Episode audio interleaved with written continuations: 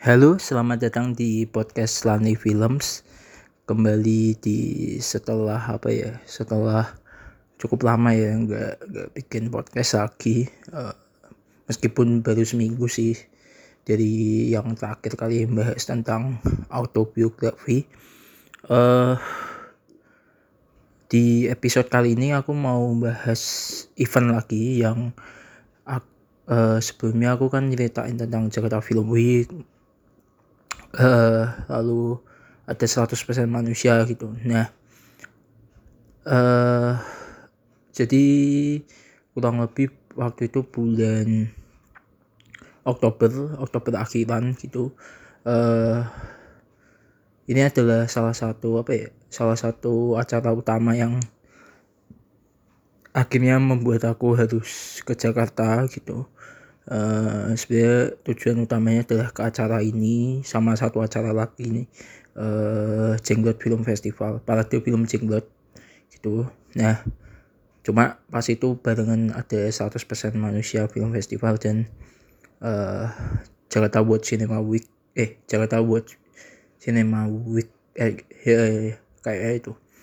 Uh, jadi mampir sekalian. Nah kalau 100% manusia udah aku bahas di episode sebelumnya uh, kali ini aku akan bahas uh, acara yang membuat diriku uh, ya ini adalah apa ya uh, acara yang sudah ku nanti nanti gitu. Jadi yaitu uh, Bumbu Forum 2022 nah um, mungkin berbeda dengan event-event yang mungkin sebelumnya aku datang gitu yang sifatnya adalah festival film yang mm, memakan waktu sekitar. Ya biasanya kalau festival film itu kan biasanya 4 sampai paling pendek kan Jakarta Film Week ya. 4 hari sampai seminggu gitu sampai lebih bahkan. Kalau 100% manusia itu dia lebih mungkin ada dua minggu karena juga dia ada di dua kota gitu. Nah untuk bumbu forum ini sebenarnya dia bisa dibilang bukan festival film sih tapi lebih ke arah apa ya mungkin bisa dibilang seperti special event lah gitu special event gitu. Nah uh, buat teman-teman yang belum tahu uh, bumbu forum sendiri itu sebenarnya organisasi uh, yang berfokus di film pendek gitu. Jadi uh, di dalamnya ada Mbak Lulu Ratna yang udah kita tahu lah uh, kalau banyak yang bilang tuh udah kayak ibundanya film pendek Indonesia gitu Mbak Lulu. Uh, aku manggilnya uh, lalu ada Mbak Novi. Uh, Mbak Novia gitu. Uh, yang juga produser juga TV Cinema gitu lalu ada Mas? Syaban Syaban Amin. Uh, yang mungkin lebih fokusnya kayak ke dosen ya kayak aku kurang tahu gitu. Maafkan mas. Cuma yang aku lebih kenal adalah Mbak Lulu gitu karena Mbak Lulu uh, mungkin kalau di kiprahnya dalam film pendek Indonesia itu udah lama banget ya. Uh, Mbak Lulu tuh kalau nggak salah dia yang menginisiasi waktu itu membawa film pendek Indonesia ke salah satu festival film tertua di dunia yang kebetulan memang tahun 2020 uh, eh, film yang aku juga pernah terlibat maksudnya yang aku terlibat juga di situ film berlabuh bisa berkompetisi di situ. Nah Mbak Lulu ini waktu itu babak program film-film pendek Indonesia untuk ditayangkan di spesial programnya Open House Film Festival. Uh, ya International Short Film Festival Open House tahun 90-an kalau nggak salah. Uh, ya kalau nggak salah. Karena aku sempat lihat arsip-arsipnya uh, film-film Indonesia di Open House dan nemu tuh ada kayak semacam apa program khusus fokus ke film-film Indonesia. Begitu juga sebenarnya uh, Mbak Lulu kan fokus di distribusi juga membawa film Indonesia keluar maupun ya berada di festival film juga. Karena Mbak Lulu juga uh, kalau nggak salah juga pengajar ya pengajar di salah satu kampus di Tangerang. Kampus film dan spesifik di uh, mata kuliah festival film. Itu yang bikin aku ketika ketemu Mbak Lulu tuh wah bersyukur banget sih. Itu nah bumbu forum sendiri sebenarnya uh, lebih kalau dilihat dari bio Instagramnya uh, mereka menamakan film festival konsultan konsultan gitu. Dan dia juga bumbu forum kalau nggak salah juga beberapa kali jadi kurator uh, FFI Festival Film Indonesia untuk film pendek gitu. Jadi uh, udah nggak perlu dilakukan lagi. Lah ini yang membuat uh, sebenarnya spesial programnya mereka bumbu forum. Jadi setiap tahun bumbu for bumbu uh, organisasi bumbu itu punya spesial program yang mungkin berfokus kepada film-film yang mungkin kalau kalau definisinya sih sebenarnya lebih ke arah itu pengen mengangkat film-film yang lagi happening di Indonesia gitu. Nah e, kalau dari aku sendiri setelah mengikuti beberapa kali bumbu forum meskipun dari kejauhan ya karena baru bisa datang yang tahun 2022 e, ya itu udah kayak apa ya mungkin bisa bisa dibilang bumbu forum ini salah satu acara yang jadi barometer ya seberapa uh, sudah seberapa perjalanannya sudah mana sih? Seberapa jauh film pendek Indonesia itu berkembangnya? Nah itu bisa dibilang bumbu forum ya bisa dibilang kayak salah satu barometer selain mungkin festival-festival lainnya. Kayak mini kino kayak festival film makan itu juga sebenarnya menarik juga uh, film-film yang di seleksi mereka karena kadang ada beberapa film yang bahkan belum pernah masuk ke festival film di ada di festival film makan. Apa film musik makan gitu. Nah uh, singkat cerita uh, kami bersyukur uh, film berlabuh karyanya Mas Eris uh, di apa dipilih untuk ditayangkan di Bumbu Forum tahun 2022 gitu bersama 5 film lainnya jadi total ada 6 film pendek. Uh, oh ya aku ingat juga Bumbu Forum ini ya event yang juga mengangkat emerging filmmaker juga sih. Filmmaker filmmaker yang nantinya tuh akan apa ya akan bersinar gitu. Jadi salah satunya jadi apa ya jadi waktu kita dapat kabar kepilih itu juga kita kayak kayak merinding sih karena wah ini salah satu event yang sudah dari lama kita uh, bukan apa ya bukan kayak menanti bukan bukan kayak kapan ya kapan ya tapi at least kayak hmm, pasti ada suatu saat nanti bisalah masuk gitu. Dan syukurnya waktu itu tahun 2022 kita masuk. Nah terus uh, di tahun 2022 uh, di program Bumbu Forum tahun 2022 ini uh, mengusung tema jagoan festival film gitu.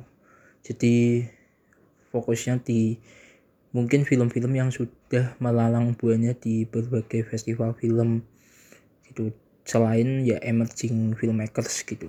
Nah, uh, selain berlabuh ada beberapa film yang sebenarnya udah ada yang dari tahun 2020 ada yang tahun 2021 bahkan ada yang baru juga gitu. Jadi uh, ya meskipun film-filmnya masih pasti akan baru itu tapi biasanya gitu. Nah um, ada lima film selain Belabu ada Nusantara filmnya Mbak Azalia uh, ini film animasi. Lalu ada filmnya Ria Rizaldi uh, Terurian Drama lalu ada juga filmnya Kosi Lika-Liku Laki yang udah wah gila. Itu film salah satu film pendek yang apa ya udah jadi favorit banyak orang dan gak tahu aku mungkin gitu ada berapa puluh ya festival film yang udah dimasukin lika-liku lagi dan memang film ini juga waktu itu dapat kesempatan untuk bisa submit di Oscar. Jadi nggak mudah juga ya. Maksudnya uh, biasanya kalau mau submit ke festival film kan tiga submit ya. Ternyata kalau untuk Oscar itu memang nggak gampang karena ada syarat-syarat uh, yang cukup cukup PR sih. Salah satunya ya filmnya kalau nggak salah kalau mau daftar Oscar itu kalau film pendek ya kalau film pendek itu biasanya harus tayang di Amerika dulu. Entah itu di festival atau di teater atau aku lupa. Itu itu syaratnya.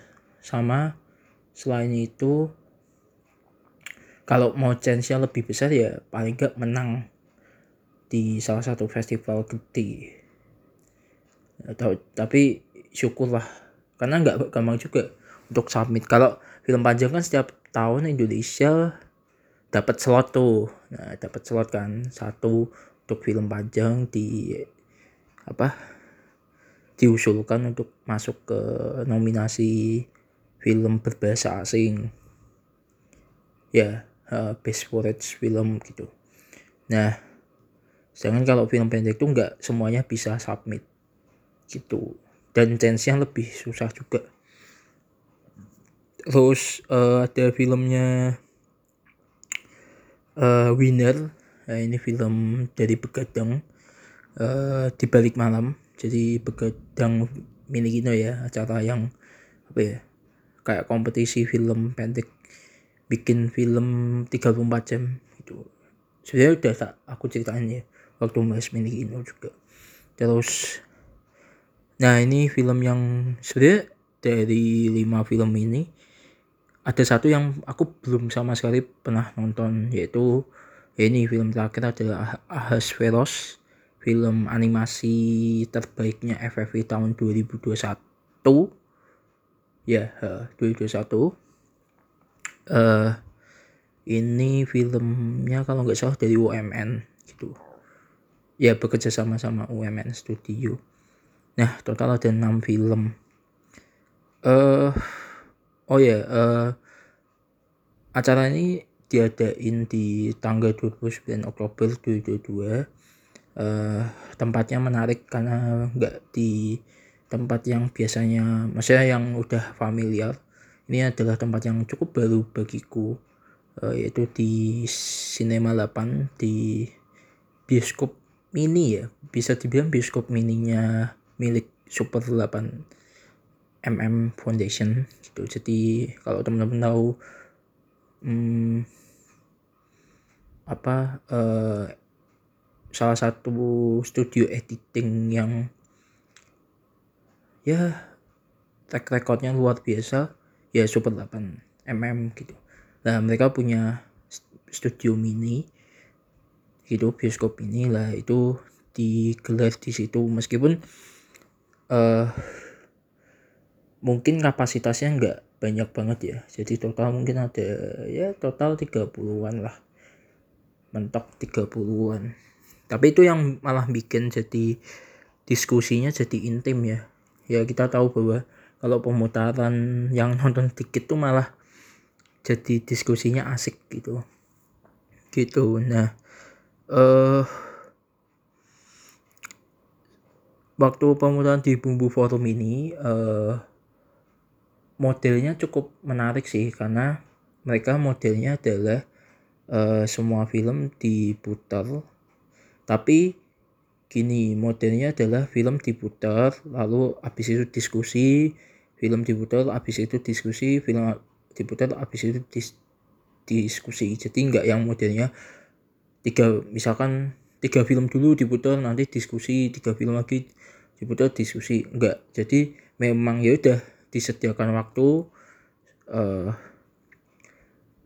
disediakan waktu uh, pokoknya uh, film muter habis itu diskusi sekitar ya mungkin setengah sampai satu jaman gitu. Ya udah uh, habis itu diskusi habis itu muter film kedua diskusi film ketiga diskusi gitu terus gitu. Nah itu yang jadi malah fokus ya. Jadi kita jadi fokus ngomongin film itu doang.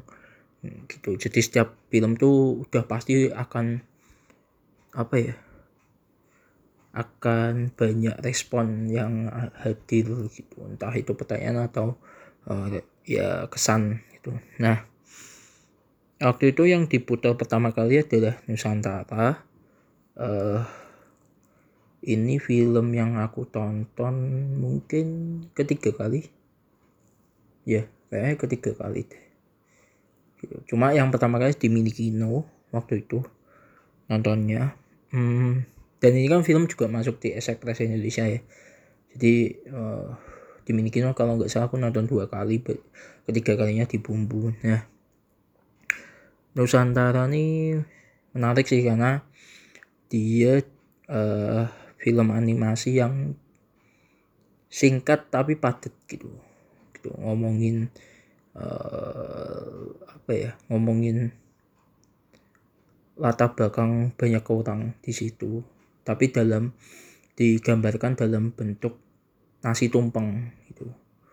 Tuh nasi tumpeng itu kan ada macam-macam ya. Ada bergedel ada uh, ada ya nasi kuning tentunya lalu ada telur ada mie dan ada itu sebenarnya ya simbolisasi dari persatuan juga kan dari berbeda-beda uh, latar belakang keyakinan dan lain nah di film animasi ini menarik sih uh, filmnya dan ya aku senang sih karena modelnya juga stop motion juga ya itu uh, terlalu film kedua kalau nggak salah waktu itu yang diputar adalah uh, Dikaliku Lagi. Nah eh lupa yang diputar itu oh di sorry ya teman-teman kalau kalau agak salah. Tapi kalau nggak salah antara di balik malam atau liku dikaliku lagi. Tapi kayaknya di balik malam dulu. Nah di balik malam ini menarik uh, sebenarnya aku udah cerita ya tadi bahwa ini film hasil dari begadang competition film competition yang dibikin oleh Mini Kino jadi gimana caranya kalian bikin film dalam waktu 34 jam dengan syarat ketentuan yang udah apa ya udah di maksudnya di syarat dan ketentuan dari tim panitia gitu yang harus ada di film itu. Jadi misalkan filmnya harus hitam putih filmnya nggak boleh pakai dialog harus pakai musik yang ada di uh, apa ambience ambience yang ada di lokasi nggak boleh pakai musik scoring ya kayak gitu gitu jadi uh, itu untuk ya untuk ini sih untuk ya biar kelihatan bahwa ya ini film dibuat waktu 34 jam itu gitu. Ini menarik sih dan di balik malam adalah satu salah satu film yang menurutku apa ya asik gitu. Uh, ada komentar sinisnya terhadap syuting sehat. Itu jadi ngomongin tentang uh, syuting yang nggak sehat nggak sehat nggak cuma nggak sehat waktunya ya tapi nggak sehat terhadap hmm, ya kita tahulah ada permasalahan tentang uh, pelecehan seksual dalam lokasi syuting film lalu ada hal-hal yang misalkan sutradara atau kru yang uh, melakukan uh, kekerasan fisik kepada aktor atau sebaliknya kayak gitu dulu. Jadi di balik malam tuh meskipun dikemas secara mungkin agak komedi gitu tapi sebenarnya ini pesan yang menarik sih itu dan perlu perlu jadi apa ya perlu jadi renungan juga kepada teman-teman pembuat film juga atau teman-teman yang berkesenian juga gitu. Dan menarik banget sih karena kalau aku ingat kan syaratnya di Minikino itu filmnya akhir adalah awal dalam film ini. Lah uh, jadi waktu itu kalau nggak salah salah satu jadi film ini tuh sebenarnya semua sutradaranya tuh banyak. Yang main di situ tuh sutradara semua itu jadi uh, improvisasinya tuh banyak banget. Gitu. Meskipun yang dicantumin mes uh, winner ya gitu. Winner Wijaya. Cuma sebenarnya sutradaranya banyak. Semua jadi sutradara itu menarik banget sih. Terus uh, salah satu sutradaranya itu Rainer uh, adiknya winner sempat bilang bahwa ketika dengar ketika tahu syaratnya adalah di apa akhir film adalah awal dalam film ini. Maksudnya uh, itu kan kebanyakan orang mesti mikirnya ya akhir film tuh ending kan ending cerita. Nah dia mikirnya adalah ya akhir film tuh kredit.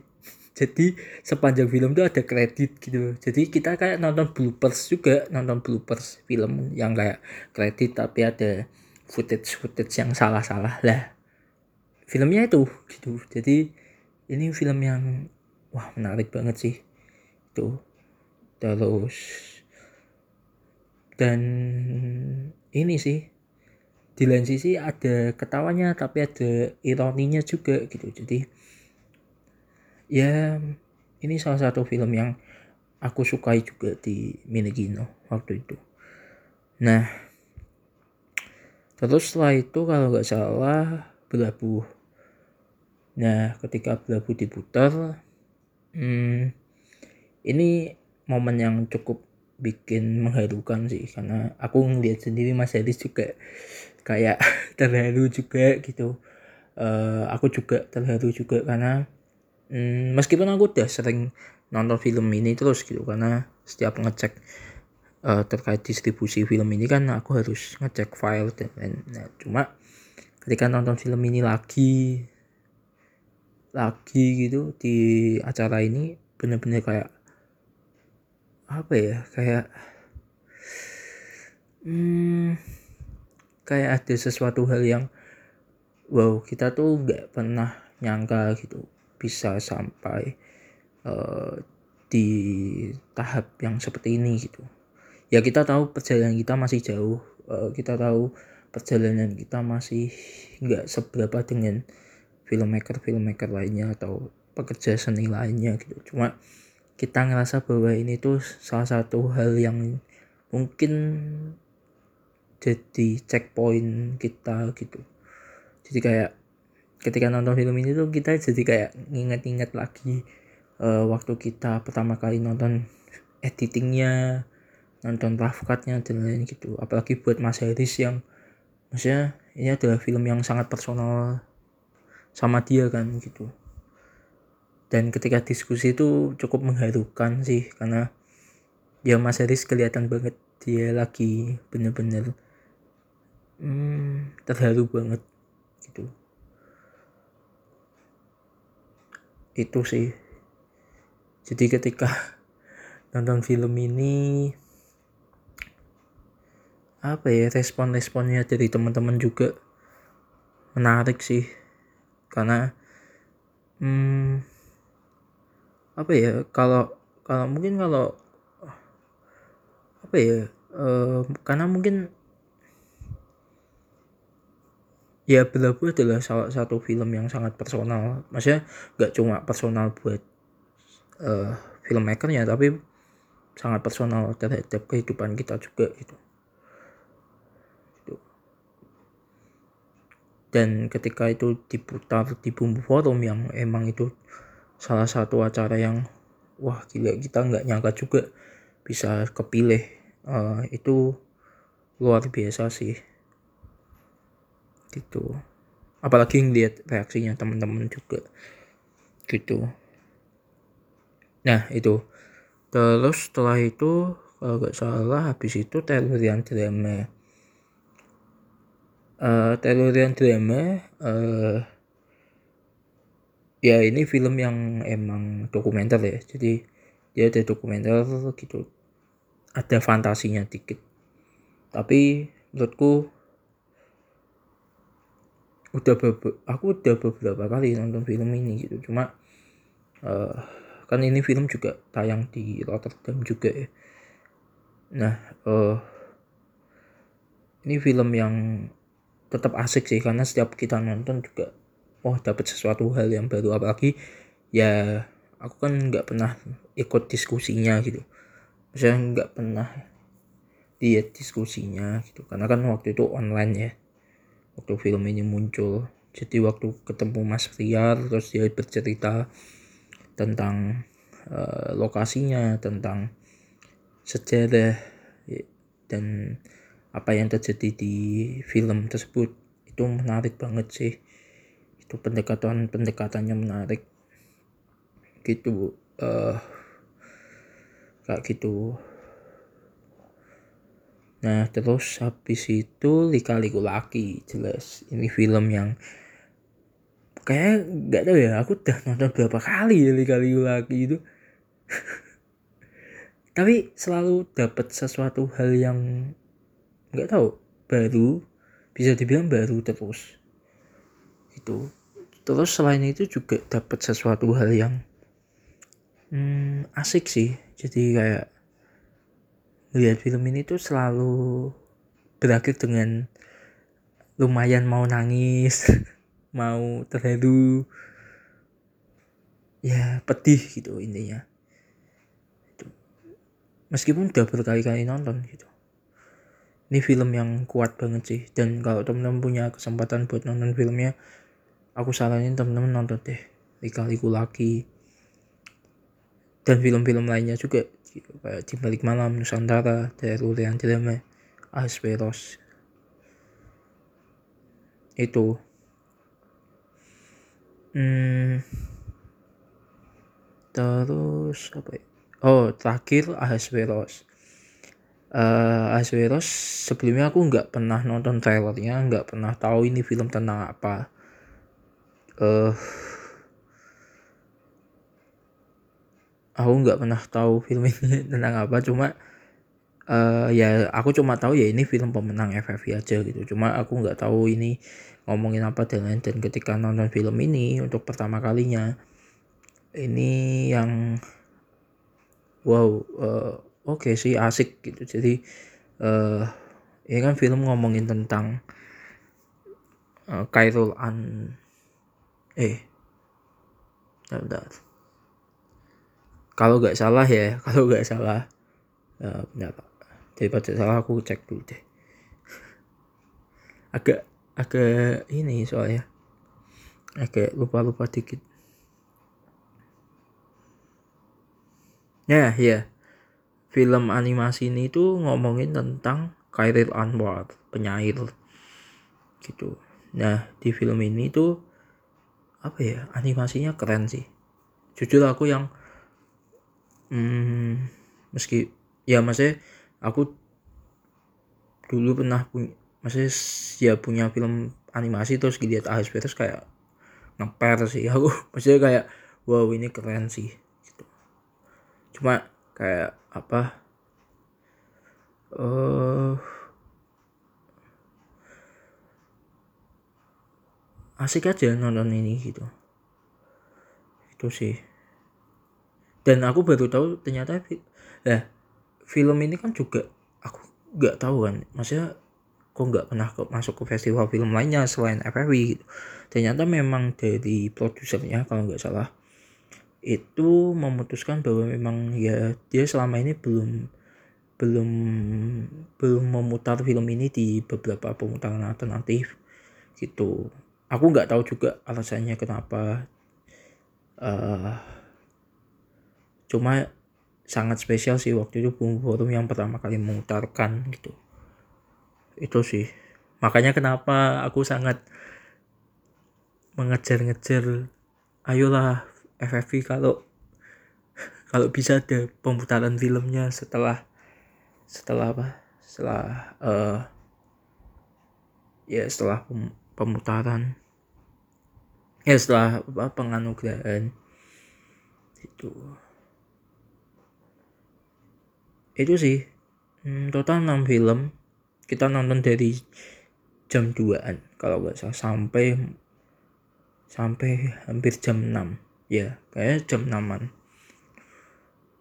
itu dan itu cukup deg-degan sih karena uh, di hari yang sama di jam 7 tuh filmku yang pertama uh, nyamuk itu diputar di parade film jenglot jadi cukup deg-degan waktu itu karena ya kita tahu ya Jakarta itu. Meskipun dekat sih sebenarnya dari uh, Super 8mm itu ke Metro Cinema Kemang di venue-nya pada film Cinta cuma lumayan deg-degan waktu itu.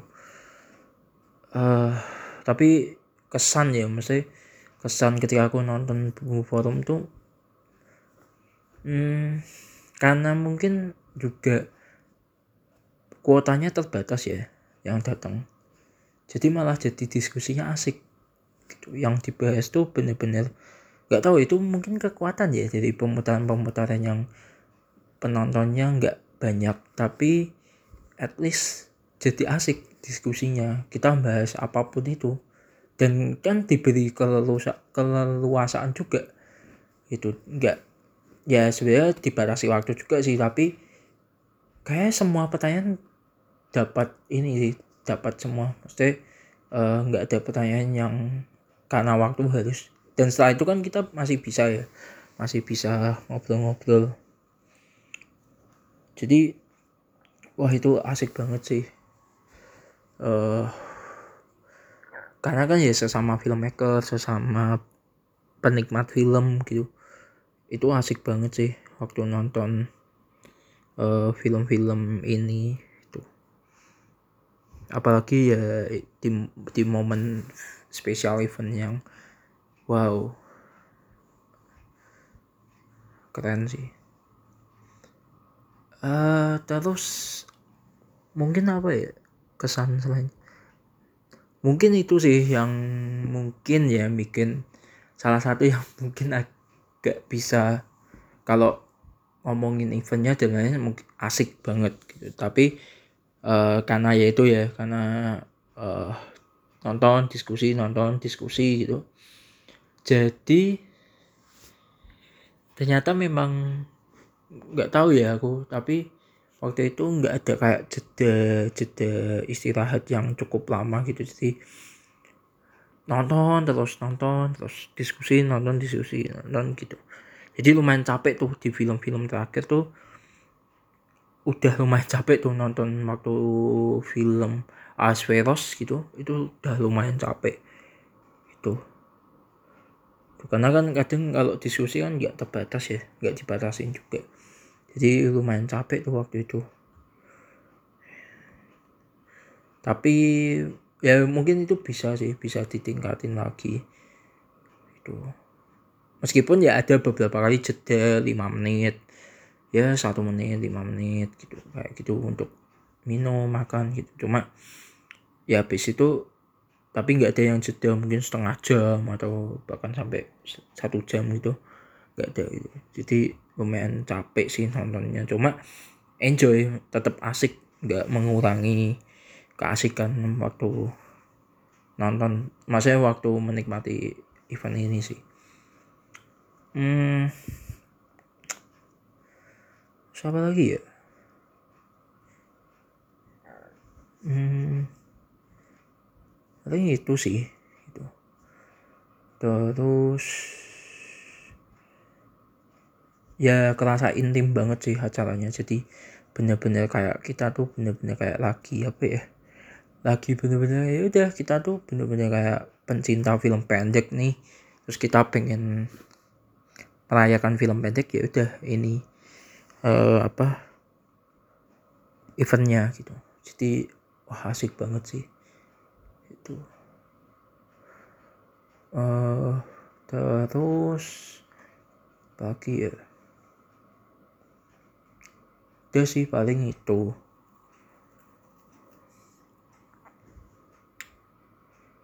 Semoga ini sih semoga tahun depan bisa tahun ini tahun ini berarti tahun ini datang bisa datang lagi. Dan semoga nih bisa diadain di berbagai kota ya.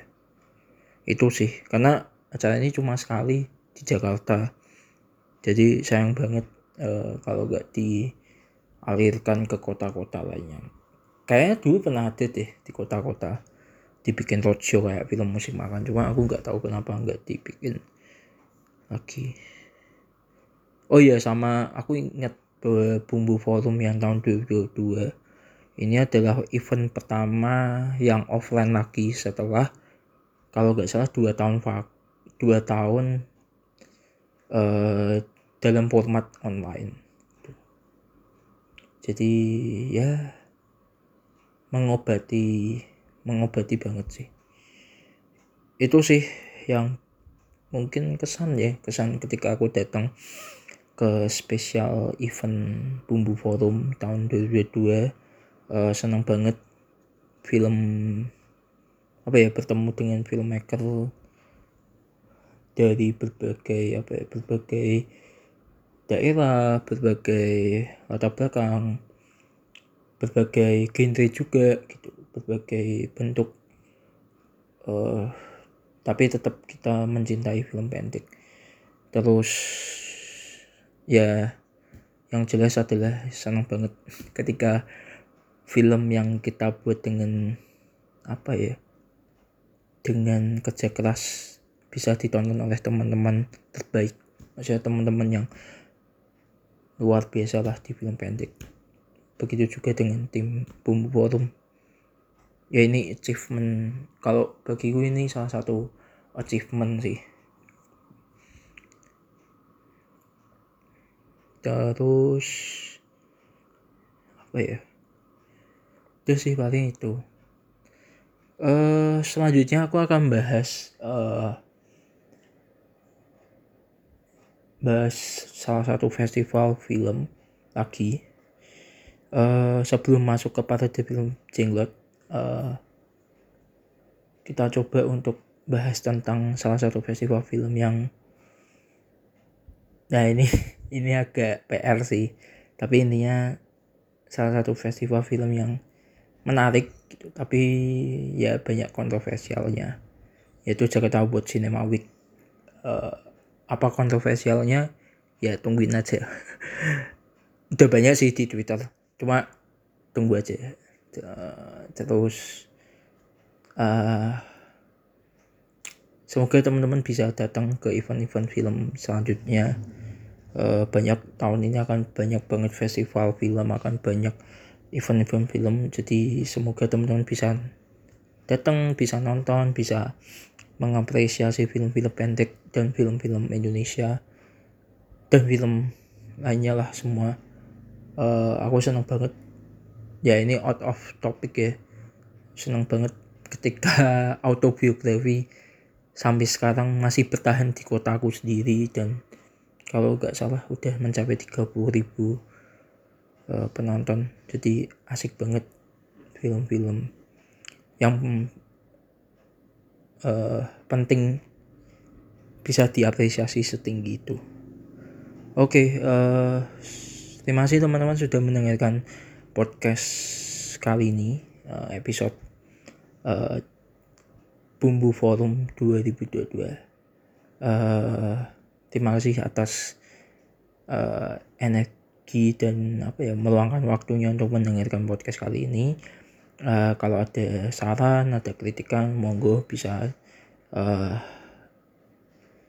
apa chat aku lewat DM, lewat apa pun di Instagram, Twitter. Uh, itu sih. Oh ya di Instagramku Petrus Yoshimitsu. Uh, itu sih teman-teman. Jadi terima kasih atas energinya yang sudah teman-teman luangkan. Terima kasih. Semoga teman-teman uh, sehat selalu uh, dan nantikan episode selanjutnya. Itu sih. Terima kasih teman-teman. Sampai jumpa